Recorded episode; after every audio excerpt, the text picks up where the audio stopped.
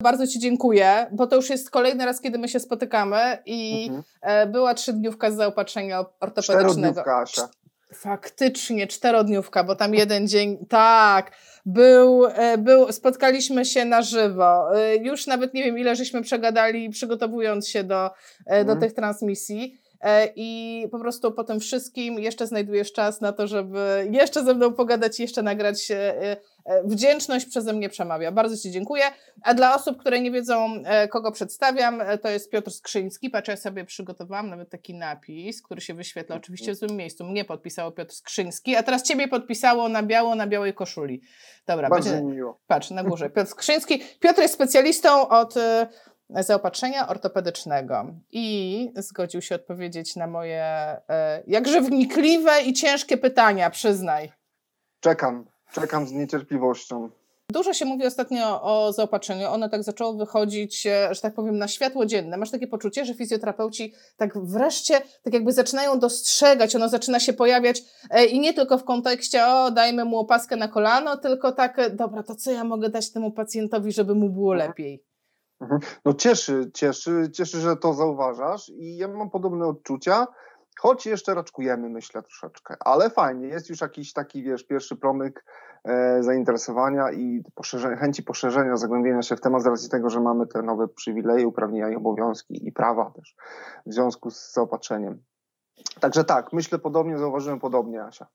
A widzisz takie zainteresowanie, że nie wiem, więcej osób pisze do ciebie, czy więcej osób w ogóle się interesuje? Na przykład ostatnio dostawałam pytania, o, takie bardzo ciekawe pytanie dostałam. Ej, Aśka, e, prowadzimy e, sklep i tak się zastanawiam, że czasami ktoś przychodzi, kiedy ja nie powinienem sprzedać, albo kiedy właśnie powinienem sprzedać, kiedy, kiedy coś powinienem, jakby, e, jak patrząc na tego pacjenta powinienem dobierać to zaopatrzenie i stąd moje takie pierwsze pytanie, czy dla wszystkich pacjentów nadaje się zaopatrzenie ortopedyczne, czy, czy masz jakieś typy pacjentów, dla których to stosujesz?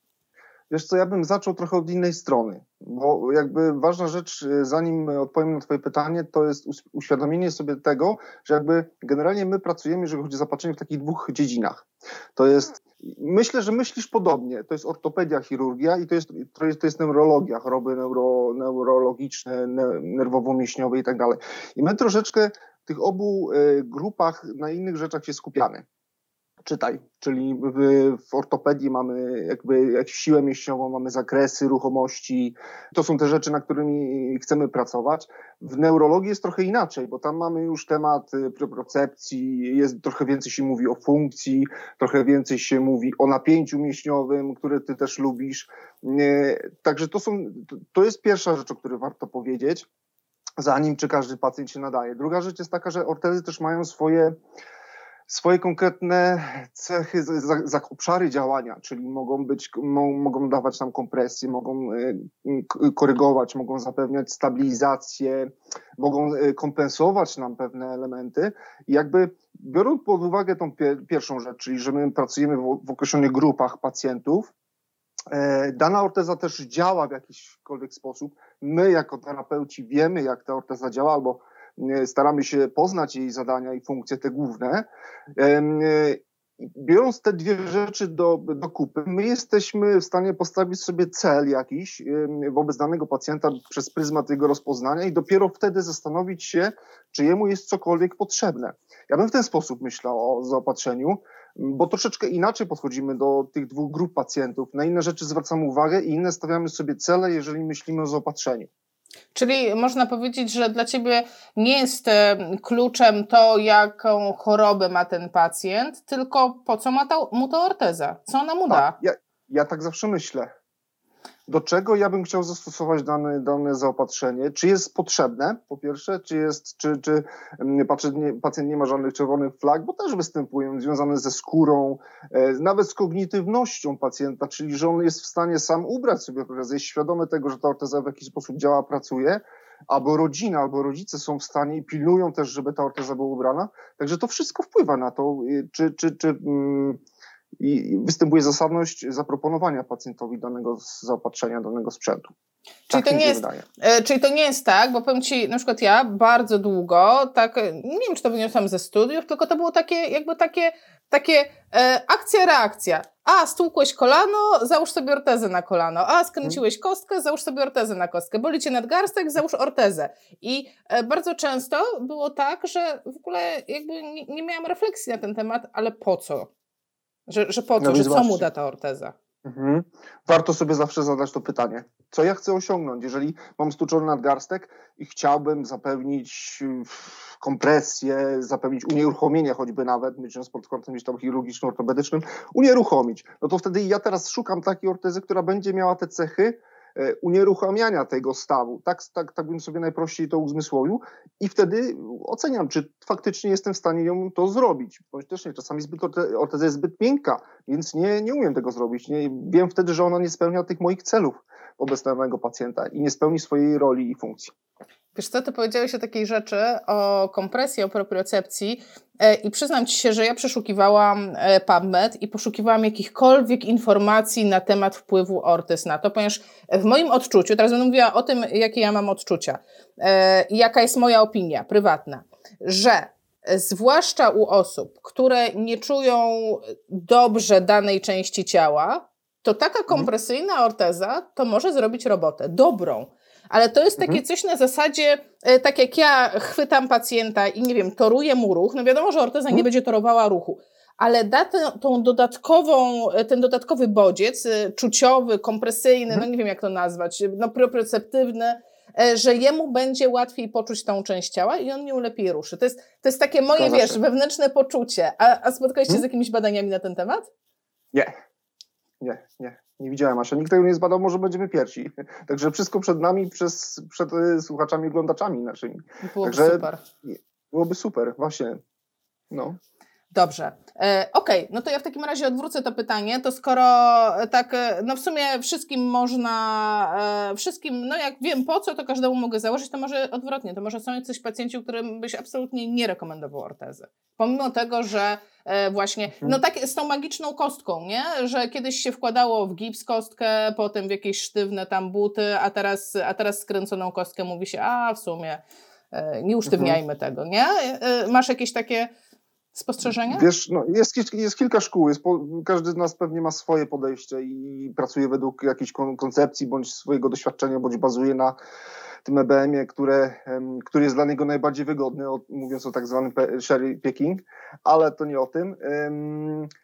Słuchaj, no jeżeli ja jestem zwolennikiem Ortez, to na pewno myślałbym, zastanowił się nad zastosowaniem Ortezy u pacjentów, którzy ma zaburzenia czucia, zaburzenia krążenia w obrębie e, skóry, ma uszkodzoną, przerwaną ciągłość tkanki, jeżeli chodzi o okolicę, na którą będzie zaaplikowana Orteza. Myślałbym też, to już wcześniej powiedziałem o kognitywności, czyli o tym, że pacjent jest świadomy, jak ta Orteza działa, umie ją ubrać i rodzina umie ubrać i mama umie ubrać e, i jest wystarczająco zmotywowana e, zmotywowany do tego, żeby tą ortezę nosić.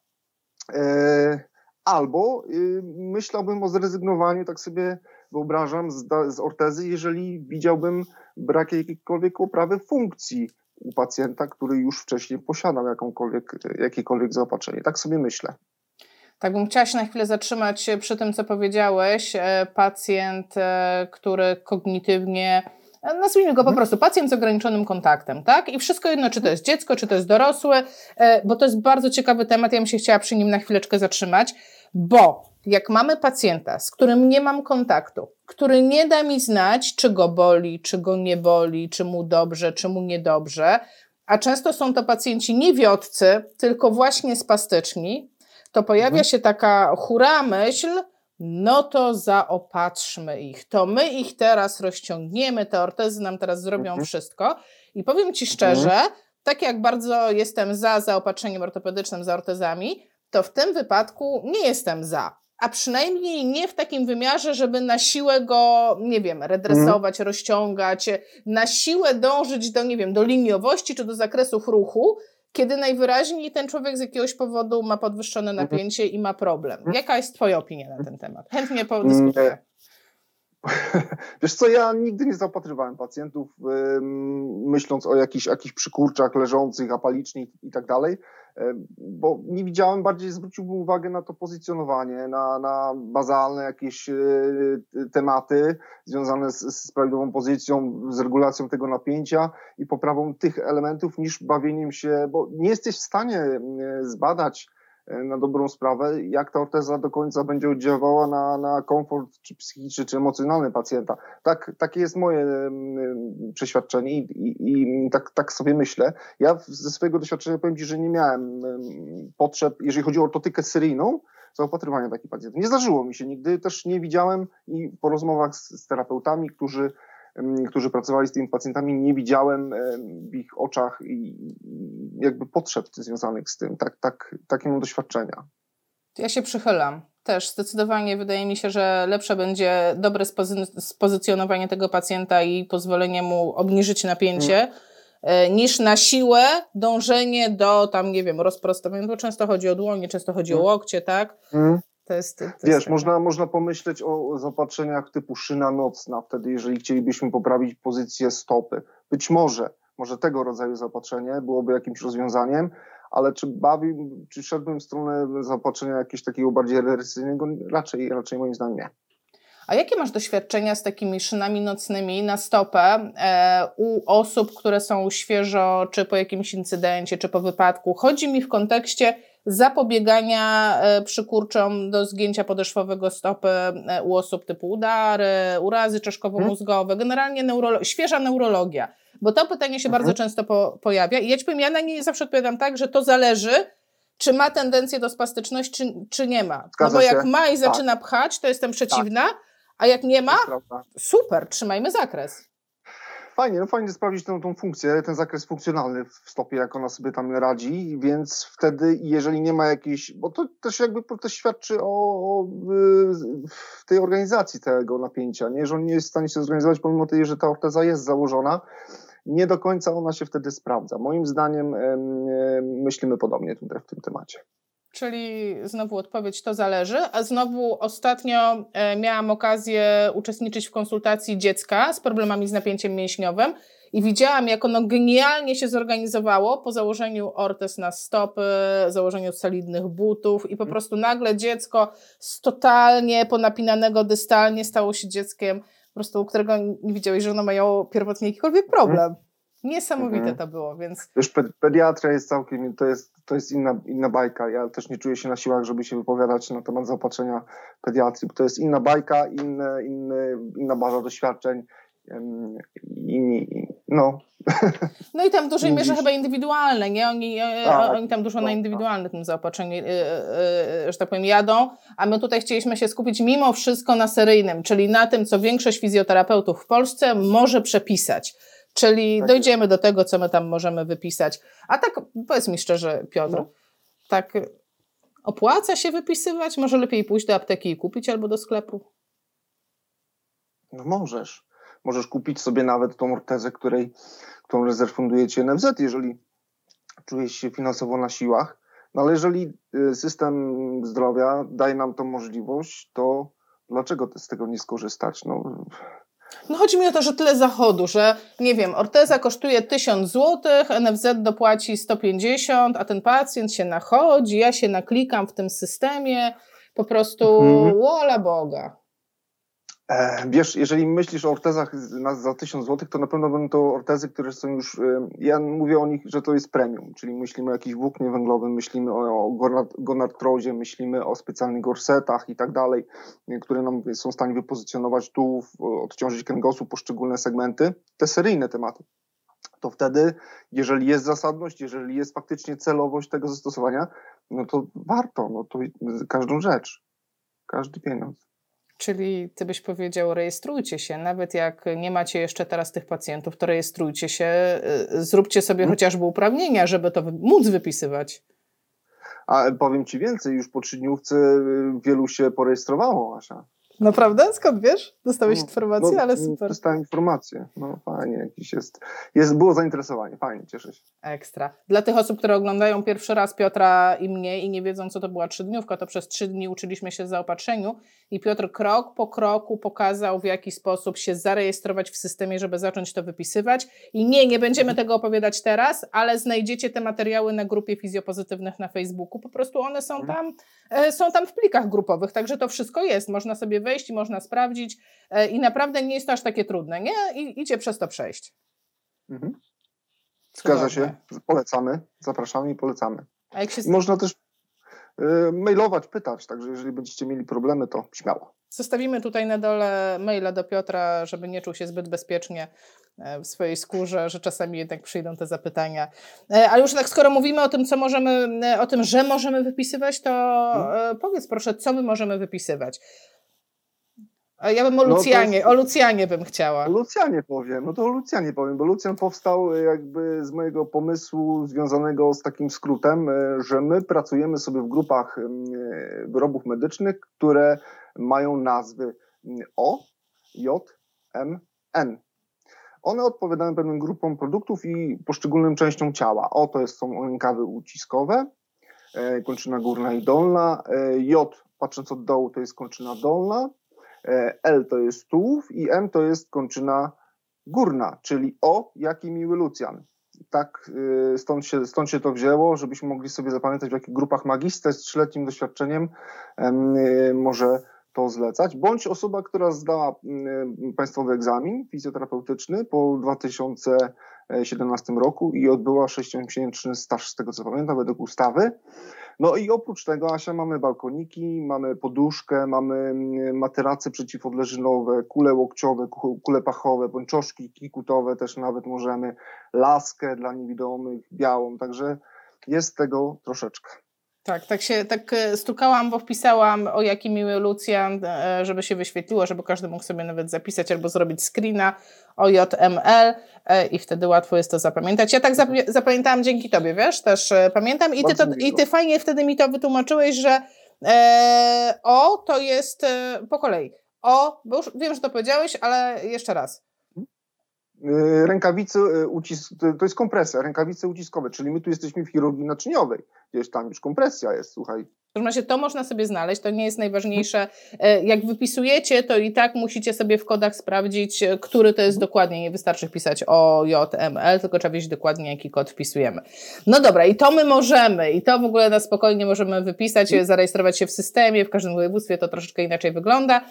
I jak widzimy, zasadność u pacjenta, i to jest hit. I myślę, że niewiele osób to wie, i ja chciałam to podkreślić, że to bez znaczenia, czy pracujemy na NFZ, czy we własnym gabinecie, na własnej działalności. Po prostu każdy może wypisać, no kto oczywiście spełnia te kryteria nauki, tak? Mhm. Każdy może wypisać takie ortezy. Dokładnie, To dokładnie. jest tak. super. To jest super. No dobra, mogę wypisać, e, ale część osób, wiesz, były u mnie na szkoleniu dziewczyny, które mówią, my prowadzimy sklep z zaopatrzeniem i my widzimy to, że nie wszystkie Mhm. ortezy, pomimo tego, że są dopuszczone do e, obrotu jako produkty medyczne, że one nie Mhm. wszystkie są takie same. Są jedne, Mhm. które jakościowo są naprawdę świetne, a są takie, które jakościowo są beznadziejne i my ich nie chcemy. E, Mhm. Czy jest jakiś taki sposób, żeby przeciętna osoba, o taka jak ja, mogła rozpoznać to, która orteza jest dobra, Mhm. która jest niedobra? Mhm. Wiesz co, fajnie by było, żebyś zwróciła e, na kilka elementów uwagę. Jeżeli weźmiesz do ręki ortezę, to jest pierwsza rzecz, to jest materiał, z jakiej jest wykonana. Tych materiałów jest masa i ogrom, to możemy, że tak powiem, zostawić sobie na, na koniec. Możemy zwrócić uwagę również, mogłabyś zwrócić uwagę na to, jeżeli masz stałe elementy, jakieś e, twarde, stalowe w kieszonkach, czy one są prawidłowo, one się nie przemieszczają w żaden sposób w, kiesz- w, tych, w tych kieszonkach, które są umiejscowione. Czy, czy jeżeli ją sama sobie przymierzysz, czy ona według ciebie jest komfortowa, czy łatwo ją ci jest y, ubrać na daną część y, ciała, czy y, re, jeżeli występuje jakaś regulacja, typu regulacja kąta zgięcia i wyprostu, czy ona jest beznarzędziowa? Y, Czyli y, czy ty to jesteś w stanie bez problemu sobie, czy osoba, którą, która ci dobiera tą ortezę, założyć, czy potrzebujesz jakieś impulsy, jakieś kliny, które sobie aplikujesz do, y, do mechanizmu.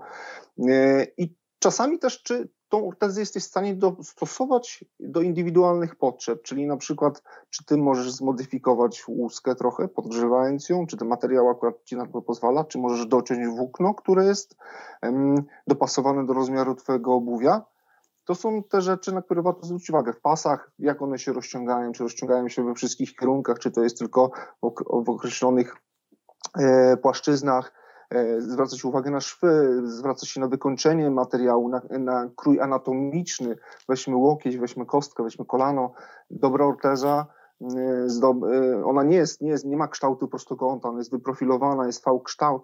Dodatkowo ma szef anatomiczny, który się dopasowuje do dołu podkolanowego, łokciowego, czy też tam, gdzie mamy naj, najczęściej, najczęściej nam się ciało poci, więc te, te, i tam jest dodatkowo wypełnienie z innego materiału. Mam, takie, mam takie porównanie, no. wiesz, tak, e, tak mi się ciśnie e, na myśl, że to jest tak, jakbym trzymała e, taką rajstopę w ręku z supermarketu za 3 zł i ona po prostu wygląda jak kawałek materiału, a no. obok taką nylonową pończochę skrojoną do kształtu łycki, z wyciętą piętką, rozumiesz, jeszcze ze szwem z tyłu. To mniej więcej ten rodzaj jakości. Możesz tak to porównać.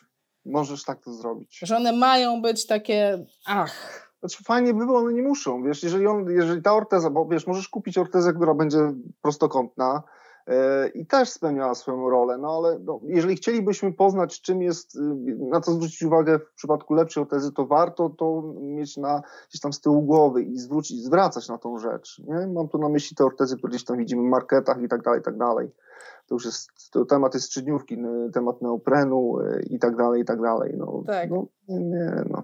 Nie. A ja mam takie pytanie do ciebie, dosyć e, intymne. Czy można, dm, czy można dmuchnąć w, w, w, ortezę? Co sądzisz o dmuchaniu ortezy? Bo ja się spotkałam z tym. Materiał, tak. Tak, żeby, że jeżeli chcę poznać, czy materiał przepuszcza powietrze, to mam po prostu go przyłożyć do buzi. No w tych czasach nagrywamy w czasach korony, ale ja mam nadzieję, że to po prostu, że materiał przetrwa dłużej niż korona.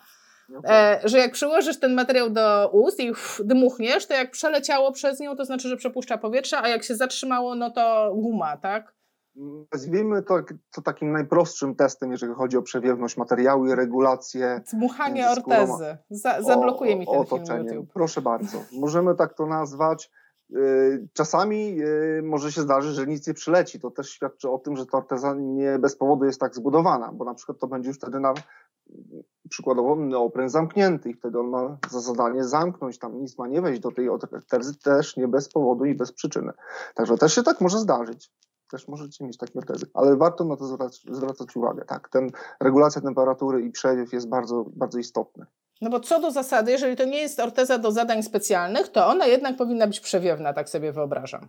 Bo już e, taka szczelność to jest zadanie specjalne. Z jakiegoś powodu chcę tą szczelność. Mm, wiesz co, jest też tak, że materiały, z których są wykonane ortezy, one e, są, mm, zdarza się, mm, z tymi, którymi mam na, na co dzień do czynienia, to one są najczęściej trójwarstwowe i każda z tych warstw ma określone funkcje, czyli jedna daje nam pewną wentylację, uproszczając, jedna z warstw daje nam kompresję, grzanie, a trzecia jeszcze inne, jeszcze inne właściwości, także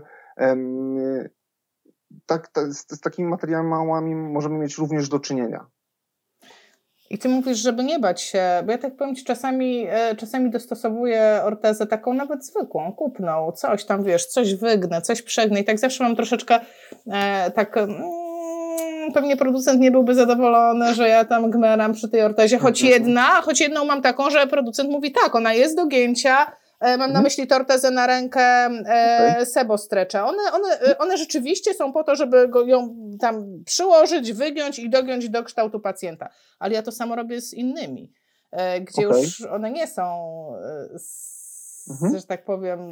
Pytanie jest takie, Asia, po co to robisz? Do czego to robisz? Dlaczego to robisz? Do zakresu ruchu pacjenta. E, Okej, okay, czyli dopasowujesz indywidualnie ten produkt seryjny jeszcze, czyli te, te materiały dają nam tą możliwość. Może, możesz dogieć mm, szkielet w ortezie kolanowej bardziej, żeby dopasować do krzywizny mm, e, kolana, czy, czy możesz e, dogrzać suszarą czy opalarą mm, ortezę nadgarstka, żeby ją bardziej dopasować, czy, czy szynę, która jest od strony dłoniowej, czy na przykład ortezę na opadającą stopę stworzyła też, dogrzewa się delikatnie, też dopasowujesz. No, możliwości jest dużo. To, to, to możemy zrobić gdzieś tam myśląc o ortezach takich seryjnych, natomiast większe, większe możliwości daje nam ortotyka indywidualna oczywiście.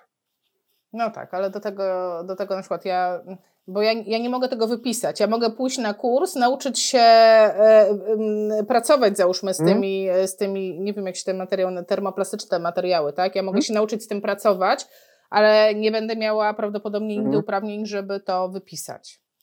Tak, wypisać może specjalista rehabilitacji. Być może w przyszłości, jeżeli będziemy mieli specjalizacje kierunkowe, to może to się zmieni, czyli gdzieś tam ten zakres zostanie poszerzony o, o specjalizacje, które powstaną.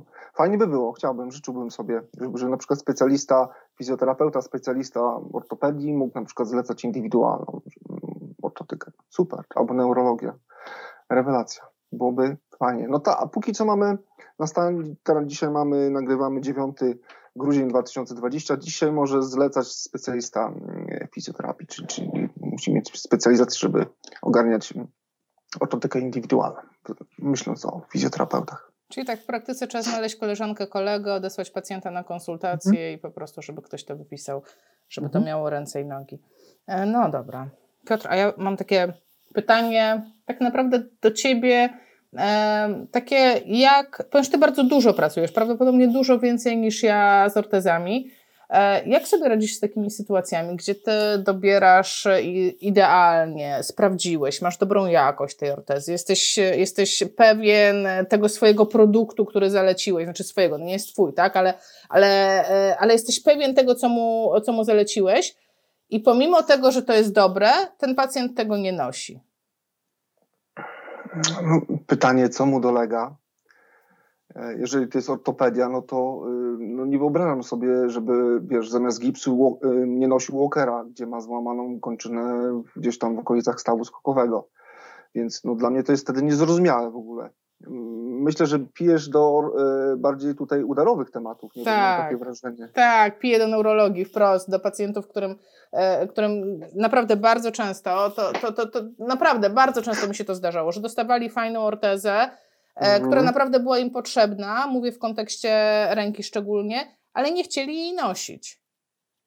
Mhm. Albo rodzina, Wiesz... Nie wiem, e, prosta rzecz, y, nie, nie mówimy o jakichś skomplikowanych ortezach, tylko że ktoś po prostu zakłada na tam, nie wiem, 3-4 rzepy i mhm. mimo to, a jakoś nie noszę, a jakoś tam. No ale powiedz, ale czym, czym argumentowali to pacjenci czy rodzina, że nie, nie umieli jej ubrać, nie wiedzieli do czego ona służy, nie umieli jej prawidłowo z, nie wiem, ściągnąć z pacjenta, czy e, nie wiedzieli jaki jest cel założenia tej ortezy, bo wiesz, bo na to warto zwrócić uwagę zawsze pacjentom. Ja bym tak zrobił przynajmniej, e, wytłumaczył, e, wytłumaczył i postawił konkretne, konkretne zadanie tej ortezy, głośno to wypowiedział, nawet zapisał na kartce na lodówce, tak, ja bym tak zrobił.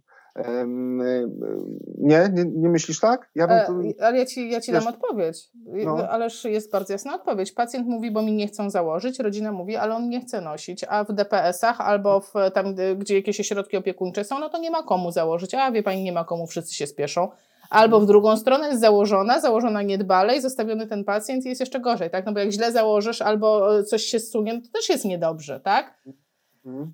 No i takie mam doświadczenia. Bywa, bywają takie spot, tacy pacjenci i ja też miałem do czynienia z, z tego rodzaju sytuacjami. Natomiast myślę, że to w dalszym ciągu jest mniejszość, co, co jeszcze cieszy. Myślę, że częściej takie sytuacje mają miejsce, jeżeli to są ortezy ten z niższej półki, w cudzysłowie gdzieś tam. Jeżeli myślimy o produktach już bardziej wyspecjalizowanych, to jednak ta motywacja i to, że poświęciło się więcej czasu, energii i większym kosztem dostosowało się tą ortezę, jednak troszeczkę zobowiązuje do, do działań z tą ortezą. Tak mi się wydaje, to jest moje doświadczenie. Wiesz, no, to jest kwestia, kwestia zmotywowania. Każdego z nas motywuje do, do założenia tej ortezy wiele, wiele innych i różnych rzeczy, więc ciężko mi się też odnieść do, do konkretnych jakichś takich rozwiązań. Wiesz, Asiu? Mhm. No ale też powiedziałeś, że z drugiej strony yy, na samym początku, że jak mu się nie poprawia, to też byś rozpatrzył, czy w ogóle mu to nosi, yy, powinien to nosić. Tak w neurofizjologii tak bym zrobił, w neurologii, w chorobach nerwowo-mięśniowych tak bym zrobił, tak. No ale... dla, dla mnie najistotniejsza jest funkcja. Jeżeli pacjent w neurofizjologii przepraszam, no, o chorobach nerwowo-mięśniowych. Jeżeli e, osobiście, być może masz inne spojrzenie, jeżeli u, u pacjenta zastosuje, ja zawsze chcę, żeby ta funkcja była jak najlepiej jak najbardziej dopasowana, nawet kosztem patologii. Znasz moje podejście, funkcja na patologii dla mnie, dla mnie to jest do przejścia, nawet z wykorzystaniem ortezy, pod warunkiem, że funkcja zostanie zachowana albo utrzymana na, na danym poziomie. Jeżeli tego nie ma, to ja, ja osobiście rezygnuję albo, albo mm, zmieniam ortezę? Albo ją modyfikuję, albo mm, przechodzę na poziom niżej, bo to, mm, że tak powiem, jeżeli chodzi o zapatrzenie danego stawu. Mam tu na myśli inne rozwiązania ortotyczne. Mhm. Hmm? Bo ja tak wiesz, myślałam pod kątem tych pacjentów udarowych, że czasami no. to jest tylko po to, żeby nie było gorzej. No tak jest. W pierwszym okresie na pewno. Że nie chcemy, wiesz, żeby się utrwaliła, czy, czy spastyczność, czy cokolwiek tam jest e, w tej ręce, czy, czy, czy w nodze, tak?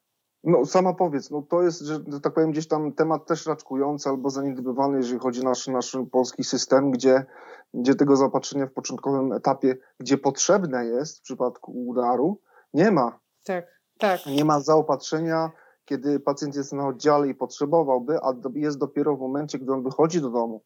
Tak, rozwijmy ten temat na chwilę dla osób, które nie wiedzą, bo ja jestem przekonana, że część osób nie wie, kto nie pracował na oddziale neurologii, ten nie wie, że pacjent, który przychodzi na oddział rehabilitacji neurologicznej, gdzie może być na nim nawet 16 tygodni i więcej, bo mhm. tak, tak po prostu przewiduje NFZ, tak.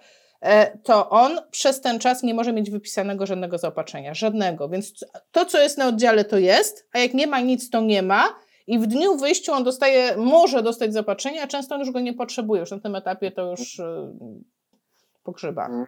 Wiesz, trochę jest w naszym tutaj, y, na, na, po naszej stronie troszeczkę roli, bo, bo mimo wszystko te ortezy na początkowy okres nie są aż takie drogie, więc ja naprawdę zachęcam kolegów fizjoterapeutów i koleżanki fizjoterapeutki, żeby stymulowali chociaż do zakupu tych najprostszych łusek, czy najprostszych ortez na, na, na rękę, aby te stawy zabezpieczać w początkowym okresie, co jest bardzo, bardzo istotne, bardzo ważne, a co nie czyni się, tylko czyni się właśnie tak, jak się powiedziała, dopiero przy wyjściu. Tak, prawo, tak przewiduje prawo. My mamy prawo wypisać pacjentowi zaopatrzenie podczas tej ewaluacji fizjoterapeutycznej.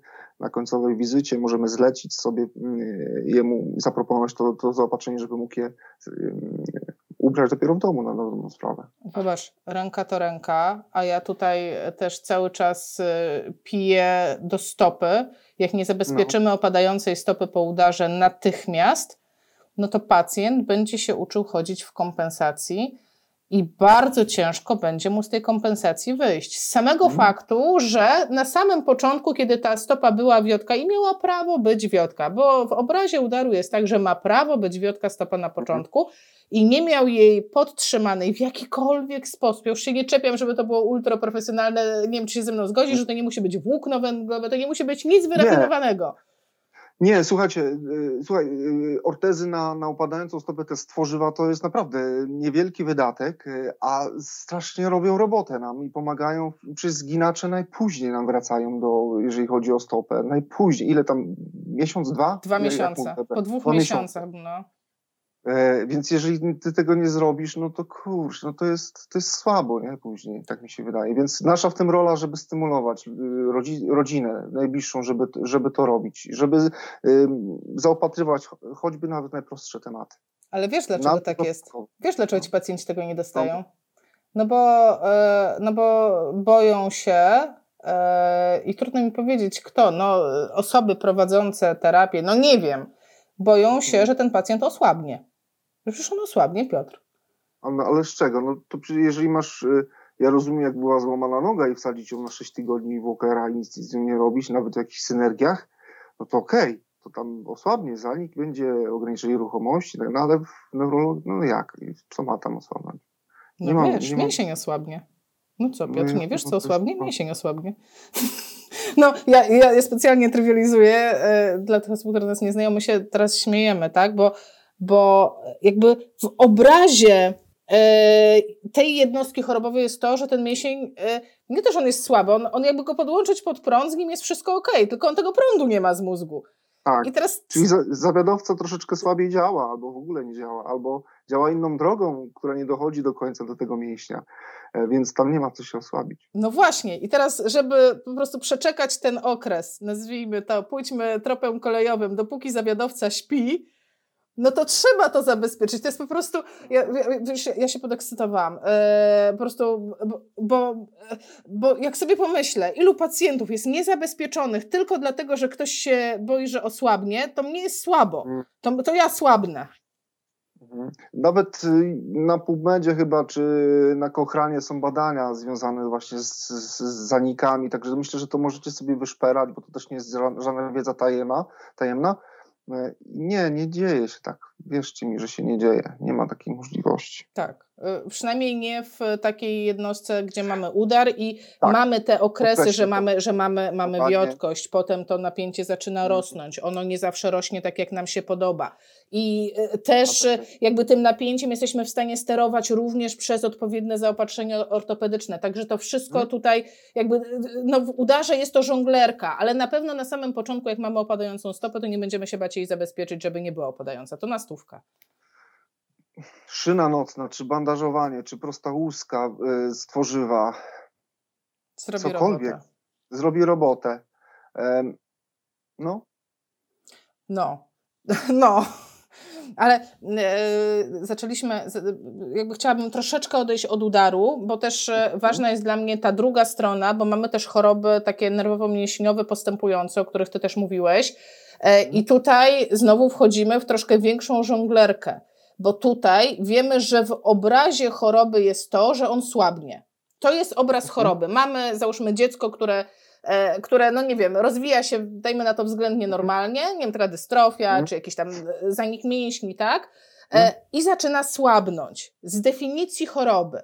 I teraz mhm. musimy żonglować, i teraz ja będę mówiła z pozycji i osoby lubiącej zaopatrzenie, ale i mhm. równocześnie terapeutki PNF, gdzie mhm. będę e, e, pi, pi, piła do tego, że mam wzmacniać tą osobę, czyli mam pracować, żeby jak najdłużej e, jakby podtrzymać jej siłę mięśniową, mhm. ale okresowo też będę chciała się wspomagać zaopatrzeniem ortopedycznym. Czy ty się zgodzisz, jakby, że tutaj będzie taki miks troszkę? Tak, ale bardzo ważna rzecz, to co pokazuje doświadczenie klienci, z którymi pracuję też, czyli osoby, które zaopatrują i, i, i mam to na myśli właśnie zaniki mięśniowe, czy, czy tematy, gdzie, o których wspomniałaś.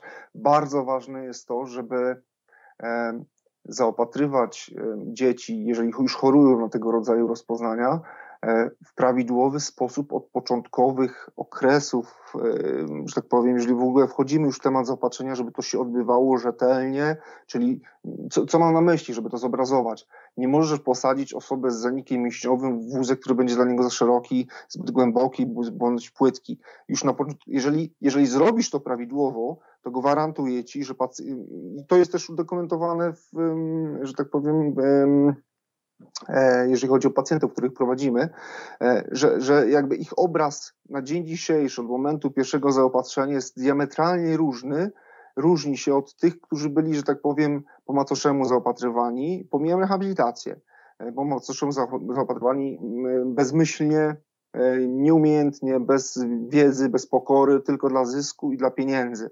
To, to są bardzo ważne rzeczy, jeśli chodzi o zaniki i dystrofię i tego rodzaju tematy.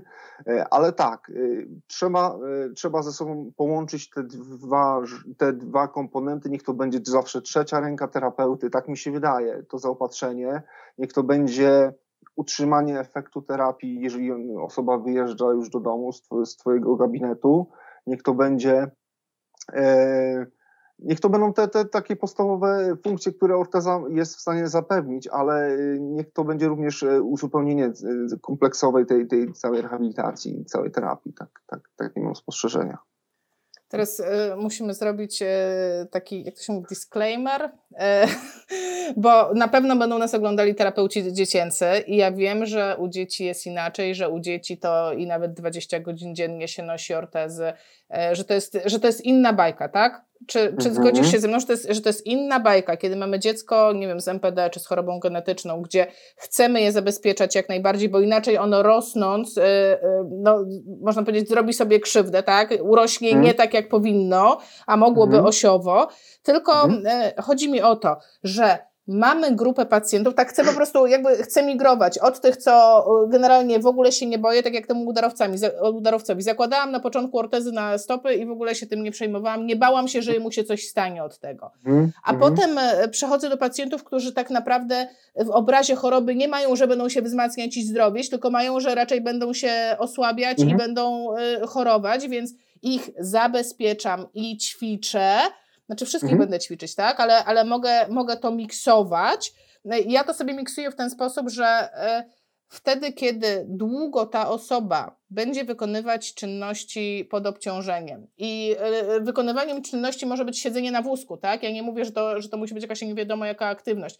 Czyli wtedy, kiedy funkcjonuje i potrzebuje długo być w jakiejś pozycji, no to wtedy się odwołam do zaopatrzenia ortopedycznego, mhm. ale okay. wtedy ale wtedy, kiedy potrzebuje się ruszać, kiedy jest na terapii, kiedy jest, nie wiem, w domu i potrzebuje po prostu pobyć, no to może wtedy niekoniecznie. Nie wiem, jak, nie wiem jak, jak, jak ty byś to widział. Pasuje, mi to. Nie, jest, jest okej. Okay. Takie podejście jest jak najbardziej uzasadnione i pokrywa się z tym, co, czego ja doświadczyłem i pacjenci, z którymi miałem e, styczność. Tak, e, zrobimy podobnie, Asia, jak ty myślisz. A u darowców zdarzyło ci się pakować w pasy? W pasy takie lędźwiowe? No, tak. I ich tak samo traktuje. W sensie też, też no bo wszyscy, e, bo o co chodzi z tym pasem? Też muszę, to, też mhm. trzeba wyjaśnić, tak, o co chodzi, bo to też nie jest nigdzie opisane, nikt nie powiedział, ale chodzi o to magiczne napięcie, tak, że jeżeli mamy mało napięcia w tułowiu, taka jest koncepcja, tak, że mamy mało napięcia w tułowiu, więc budujemy sobie napięcie na obwodzie. Więc my mamy taką, e, taką interwencję, no to załóżmy mu pas, dajmy mu to napięcie w tułowiu z zewnątrz i ten pas jest tym mhm. napięciem. E, I wtedy rzeczywiście, no ja obserwuję klinicznie, że ręce się rozluźniają, że polepsza się styl mhm. chodu, tak? Jeżeli to jest ten problem, tak? Jeżeli to nie był ten problem, no to wiadomo, że nie. Ale mhm. generalnie, jeżeli jego problem był w tułowiu, to to pomaga. I teraz kluczowe pytanie, Pani Joanno, a jak długo to nosić? Ja nie mam bazy naukowej, żeby się, od, żeby się w jakiś sposób odnieść do tego i robię dokładnie tak samo, jak przed chwilą Ci powiedziałam. Czyli jeżeli jest przed Tobą długa aktywność, wiadomo, że idziecie z rodziną do sklepu, załóż sobie mhm. ten pas, bo to będzie Cię kosztowało dużo energii, to będzie Cię kosztowało wysiłku, będziesz budował reakcje stowarzyszone, to przynajmniej będziesz budował mniejsze. Mhm. Na rehabilitacji czasami, jako, jako element pomocniczy też bym to wykorzystał jak najbardziej. I wykorzystałbym to y, do sprawdzenia ortez na kończyny dolne, górne, mm, czyli założył ten pas, a próbował coś na, na obwodzie podziałać. Czyli takie Wtedy? miksy, tak, zakładasz pas, patrzysz, co się zmieniło. E, zdejmujesz pas, zakładasz ortezy, patrzysz, co się zmieniło. Zostawiasz mhm. ortezy, dokładasz pas, patrzysz, co się zmieniło. I wtedy masz dużo zmiennych e, i możesz ocenić tak. rzeczywiście, co temu pacjentowi jest potrzeba. No i to wskaźnik do tego, gdzie warto popracować z tym pacjentem, na pewno byłby nie lada duży. Dokładnie, bo jeżeli, e, ja to ja po prostu to jest takie oczywiste, założysz pas, nie? I on się natychmiast poprawia, nie wiem, ręka jest niżej stopa pracuje lepiej, e, chód wygląda lepiej, jest dajmy na to szybszy, nie ma zaburzeń równowagi, no to wiadomo, że na terapii muszę się skupić na tułowiu. No to jest w sumie takie proste, ale wtedy no to ja mu, na, na terapii ja mu zdejmę ten pas i zrobię wszystkie te aktywności, wiesz, tam no, już na tułów to mam sporo EBM, co tam robić na ten tułów, żeby było dobrze. No tak, no tak, no po to też te ortezy są, żeby on w momencie jak sobie wyjdzie od ciebie, żeby w jakiś sposób zachował to, te, te, te choćby nawet, wiesz, tą, tą organizację w ciele, myślę tu o tym pasie, czy, czy wiesz, no zabezpieczył stopę w momencie, jak idzie gdzieś na dłuższą wycieczkę. No tak, Asia, to jest dobry kierunek i w ten sposób też podchodziłbym do tematu. Chociaż nie mamy na to absolutnie, mamy nie zerowe ma. dowody naukowe na to. To jest tak pod kątem takiego, wiesz, yy, irracjonalnego podejścia, trochę intuicyjnego, jak Blaise Pascal, mój, jeden z moich ulubionych no, trochę niepopularny dzisiaj, ale. Tak, wiesz, no bo musimy się przygotować do odparcia wszystkich, e, wszystkich teraz zarzutów, że my tutaj e, only EBM, a jednak nie. No po prostu nie mamy na to dowodów, tak? Klinicznie, klinicznie to widzimy, nie mamy żadnych dowodów, że u 90% pacjentów tak będzie.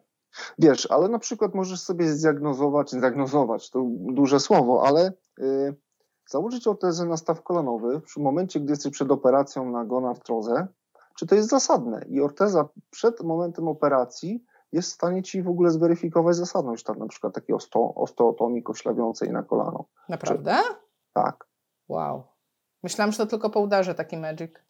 Nie, czy przed, przed operacją możesz sobie zrobić coś takiego i wtedy lekarz widzi, czy faktycznie jest potencjał do tego, żeby pacjenta ciąć i zrobić mu, mm, odciążyć mu przedział boczny czy przyśrodkowy w stawie koronowym, czy też nie, bo wcześniej założy ortezę i to sprawdzi. Ale Piotr, jak on założył ortezę i mu lepiej, to po co się operować? Niech nosi ortezę. To już jest inna historia, Asiu. Myślę, że myślę, że wiele czynników wpływa na to, że pacjent jest operowany yy, i, i bądź też są przeciwwskazania do tego, że, żeby nie mógł. Także no. No właśnie, e, bo tutaj powiedziałeś o przeciwwskazaniach. E, ja tak sobie nawet odnotowałam to, bo mówimy, że no nie mamy na to EBM, ale mhm. To, jest, to, to jest coś, co chyba fajnie, fajnie, żeby wybrzmiało, że jak mamy jakąś procedurę, która jest mhm. nawet dobrze zbadana pod kątem EBM, to mhm. zazwyczaj badanie wygląda tak, znaczy te, te, te wnioski z badania wyglądają tak. Była grupa iluś tam pacjentów, niech to będzie metaanaliza, nie wiem, 2000 pacjentów mhm. i tam, nie wiem, w 70% przypadków to im się polepszyło po procedurze X, w 20% przypadków to było neutralne, ani tak, ani nie, a w 10% mhm. im się pogorszyło. Więc ogólny wniosek jest taki, no nie no, fajna procedura, bo 70% pacjentów się poprawia, nie? Tylko, że jest no jeden no problem. Ja nie wiem, w którym procencie jest mój pacjent. Ja nie wiem, który to jest. I teraz, I teraz ja muszę ocenić, i teraz ja muszę ocenić to ryzyko, czy on jest w tych 10, czy on jest w tych 20, czy on jest w tych, y, czy on jest w tych 70. Y, I teraz wracając do tych naszych nieszczęsnych pasów, które nam się podobają, a nie mamy EBM, teraz muszę sobie zadać kolejne pytanie, a na ile to może być szkodliwe? Tak? No bo, y, no bo teraz ja y, wdrażam jakąś interwencję, co ja jeszcze nie wiem y, w EBM, czy ona jest dobra, czy jest niedobra, więc nie mam nawet tej siatki, prawda, 70-20, nie wiem, nie, nie, nie wiem tego, ale teraz muszę zastanowić, mhm. a na ile mogę mu zaszkodzić, bo na przykład gdybym była lekarzem i mówię i teraz nie, ja mam tutaj intuicyjnie nową formę terapii, proszę zostawić tą terapię na raka, od dzisiaj je pan jabłka.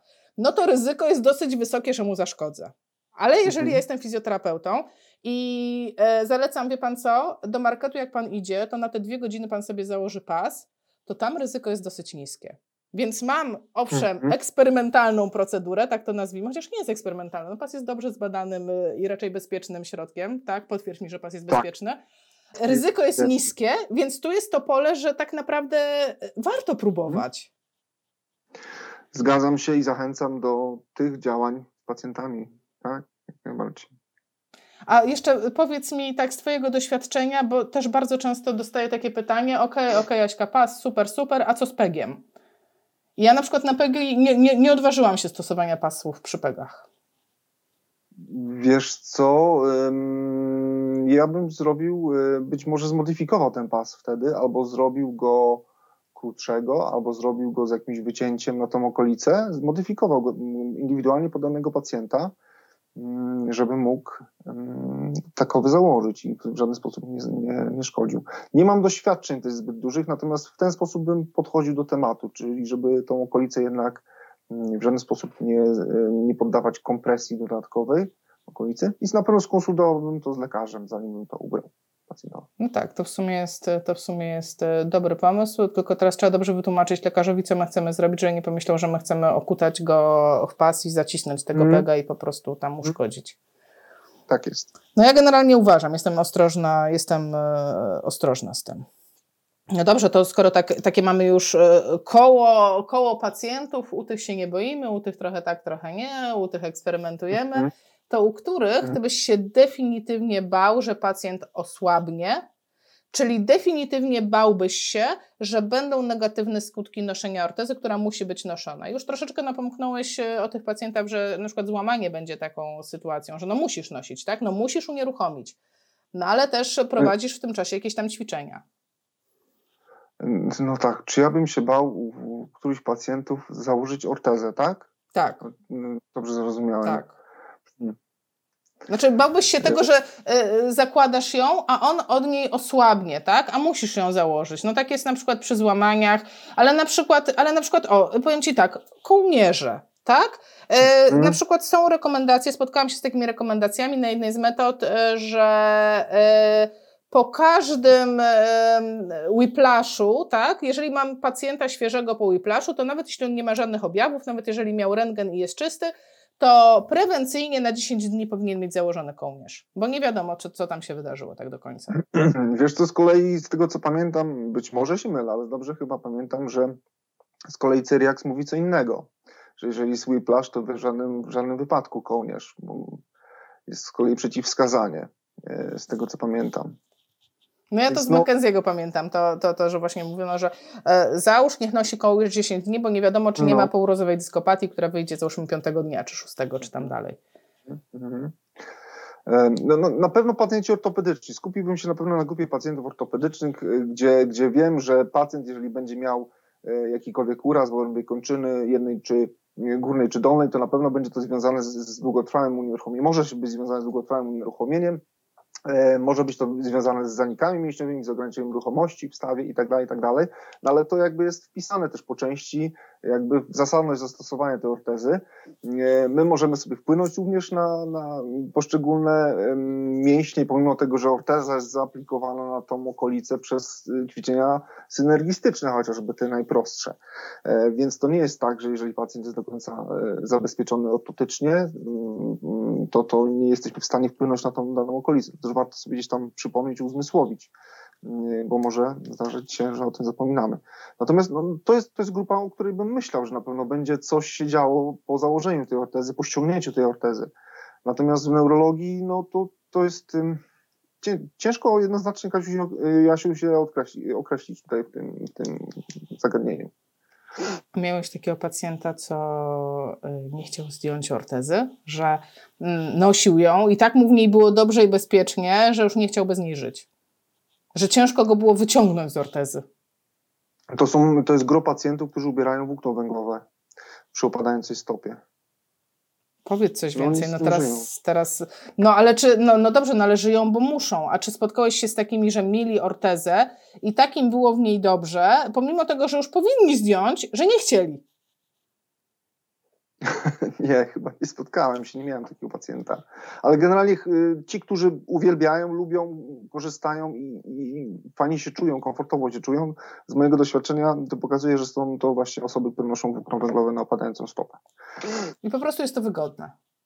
Tak, wygodne i strasznie poprawia im funkcję i ich to jest, pojawia się uśmiech na twarzy i, wiesz, całkiem, całkiem inaczej wygląda osoba, która nosi. I, i wiesz, jeżeli widzisz zdziwienie starszej pani, która bez problemu przechodzi, mija próg w drzwiach i uradowaną twarz i męża, który się cieszy z tego, e, no to jest super, to jest poprawiona funkcja i dla mnie to przemawia, żeby ten pacjent gdzieś tam mógł sobie pozwolić i iść w tym kierunku. Tak, tak ja to widzę. Nie wiem, czy się zgodzisz ze mną. Tak, ja e, też nie spotkałam takich, którzy by nie chcieli zdjąć, ale na przykład y, miewam takich y, babcie, takie starsze babcie mhm. albo starsi panowie, Mhm. E, można powiedzieć, nie to, że uzależnieni od pasa, ale co tylko zaboli kręgosłup, to już chyt są zapięci w pasie. To jest inna rzecz. No to już jest y, przewlekły ból pleców i myślę, że O'Sullivan by tu dużo powiedział na ten tak. temat. Nie, nie, byłby, ten... nie byłby zadowolony nie z byłby tych pasów. na no. pewno za, zadowolony z tych pasów. Tak, takie mam przeczucie. E, I, i, I tak już sumując do brzegu, ale mam takie do ciebie pytanie.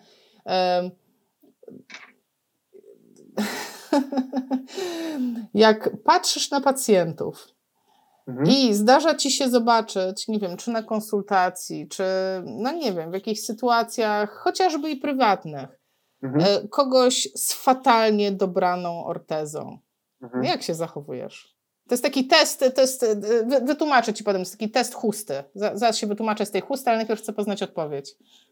Znaczy, y, mm, wyobrażam sobie, y, kiedyś bym reagował inaczej, bo bym skrytykował to od razu głośno i wyraźnie, natomiast doświadczenie pokazuje, że nie, to jest, to jest słabe troszeczkę, bo warto sobie gdzieś tam uzmysłowić, że może gdzieś tam w tym czasie, gdzie on dostał, czy ona dostała takie, a nie inne zaopatrzenie, to było możliwie naj, najlepsze jakby rozwiązanie. Może w tym czasie był, mieszkali w danym miejscu, gdzie, nie wiem, otoczenie wymagało zastosowania tego rodzaju zaopatrzenia. Nie wiem, bo były pewne nawyki, przyzwyczajenia, które generowały pewne potrzeby i tylko taki rodzaj zaopatrzenia, bo na przykład zbyt szeroki wózek e, był dobrany, bo, bo na przykład zbyt, y, no może rozmiarowo ortezy to nie, ale najczęściej mam to na myśli sprzęt taki grubszy, czyli, czyli wózki. Patrzę na to przez pryzmat tego, że na pewno było to najlepsze rozwiązanie, jakie tam gdzieś kiedyś pewnie ktoś im był w stanie zaproponować. E, w duszy zazwyczaj jestem w stanie sobie ocenić, czy to był czy to było tylko dla czystego zarobku zaopatrzenie, czy faktycznie ktoś się postarał i zrobił gdzieś błąd w całym procesie do, do, do stosowania danego zaopatrzenia.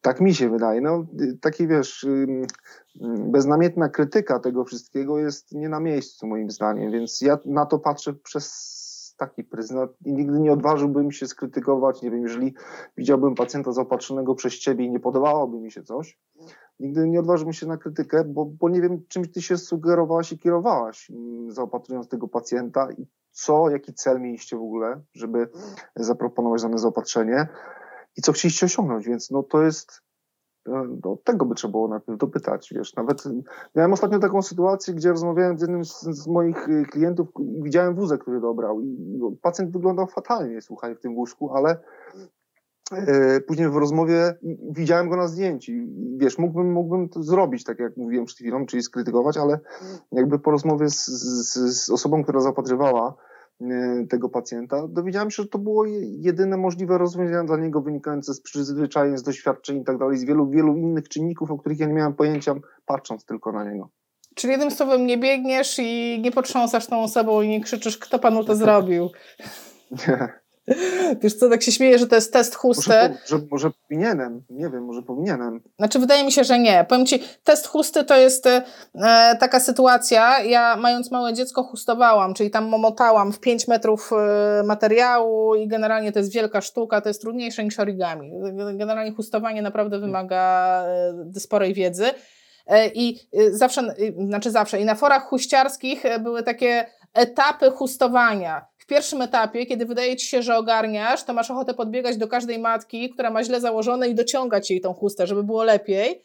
E, mhm. Potem ewentualnie masz ochotę zwrócić uwagę, a potem jak widzisz kogoś ze źle dobraną chustą, czy źle zawiązaną, to po prostu no it is what Aha. it is. Zrobiła najlepiej jak umiała. I, I można powiedzieć, że przeszedłeś test chusty na Gandalfa Białego, tak? Bo jesteś w tym. Tak. Okej, okay, tak. Nie, jakby dostrzegasz to, ale nie, nie biegniesz do tej osoby, tylko masz tą refleksję, że, prawd że, że prawdopodobnie to było zrobione najlepiej, jak się dało na ten moment. No. Tak, to, to samo jest chyba w terapii, nie? Tak mi się wydaje, że w terapii to samo jest, jeżeli rehabilitacji, jeżeli spotykasz tego pacjenta, to gdzieś tam też możesz krytykować i wiesz, myśleć o stanie, w jakim jest i dlaczego nie było tak, a nie inaczej zrobione wcześniej, więc to samo jest w zaopatrzeniu. To samo jest w zaopatrzeniu. I to, to świadczy tylko o tym, że ktoś, ktoś się na tym zna. Tak mi się wydaje. Tak. I tak to zostawimy. Tak to y, uważam, że to jest y, bardzo ładne y, i ciepłe zakończenie tej rozmowy. Nawet jeżeli widzimy coś dziwnego, to zostawić sobie taką, taką, taką kładkę z tyłu głowy. Być może na ten moment miało to sens, być może nawet teraz ma to sens, tylko są rzeczy, o których my nie wiemy. Zgadza się. Zgadza się, to jest prawda. Piotr, y, gdybyś miał poradzić jedną rzecz osobom, które nas oglądają i które być może nigdy w życiu nie, zastosowały żadnej ortezy, bo uważały, że tylko natura i w ogóle nie wolno ortez, bo osłabnie, i są bez sensu i fuj, a teraz może sobie myśli, kurde, może bym spróbował. To e, od czego byś polecił zacząć? Tak po prostu, jakby gdzie postawić pierwszy krok, żeby w ogóle zorientować się, jak się poruszać w świecie ortez? Mm, wiesz co, przeszedłbym się do sklepu najbliższego mm, z zaopatrzeniem i poznał się z właścicielem i personelem i zobaczył, co mają na półce. E, wziąłbym ortezę, ta, która mi wpadnie w oko, przymierzył, dotknął, zapytał się, dla kogo jest przeznaczona, jak jest zbudowana i po co, do czego ona służy. Mm, wtedy, w tym momencie już wtedy poznasz też, mm, czy to jest ten sklep, do którego warto przez dłuższy czas, że tak powiem, utrzymać współpracę, czy też nie, jeżeli uzyskasz jakąkolwiek wiedzę na ten temat. Więc zacząłbym od tego, zacząłbym od dotykania, przymierzania tych, tego sprzętu jakby bez żadnych obaw, bo to też nie, nie jest szkodliwe przymierzanie takiego, to znaczy nawet przymierzenie się do wózka. E, wręcz przeciwnie, daje niesamowite doznania i doświadczenia, bo jesteśmy w stanie też przez pryzmat własnego doświadczenia jakby też ukierunkować pacjenta później, moim zdaniem. Więc zacząłbym od tego na początek, jeżeli chciałbym to zrobić. Po, popatrzyłbym sobie na strony internetowe producentów kluczowych, którzy się tym zajmują, e, czy w Polsce, czy na świecie, mm, mm, i co mamy dostępnego w danym, danym, danym państwie, w danym mieście, jeżeli chodzi o zaopatrzenie, jaki pro, jakie produkty. Tak bym zaczął. Myślę, że to super rada. To jest super porada, bo w każdym mieście jest jakiś sklep i w każdym mieście są jakieś rzeczy, które można podotykać E, I mhm. jak to na, na jednym z wywiadów e, Anita powiedziała, bez, bez planu, bez lęku. Wchodzisz do sklepu ortopedycznego bez planu i bez lęku. Po prostu. Nowe doświadczenia. No, dokładnie. To nic nie kosztuje. Wiesz, być może roz, będzie to początek dalszej współpracy między tobą a powiedzmy tym miejscem. Być może będziesz szukała kolejnego, bo ci się to nie spodoba, bo nikt ci nie usatysfakcjonuje poziomem wiedzy, czy doświadczenia, czy asortymentu. No ale od tego, od czegoś trzeba zacząć i myślę, że warto. Jeżeli też mielibyście trudności ze znalezieniem takich sklepów, czy miejsc, które chcielibyście odwiedzić w waszych miastach, to też napiszcie do mnie, to pokieruję was. Tak. Tu na dole będzie link, tutaj znajdziecie wszystkie namiary na Piotra. Piotrze, bardzo dziękuję. Rozmawialiśmy dziękuję. prawie godzinę. E, jest mi bardzo miło i mam nadzieję, że e, przybliżyliśmy troszeczkę temat zaopatrzenia ortopedycznego naszym widzom. Bardzo dziękujemy. Dzięki wielkie. Cześć.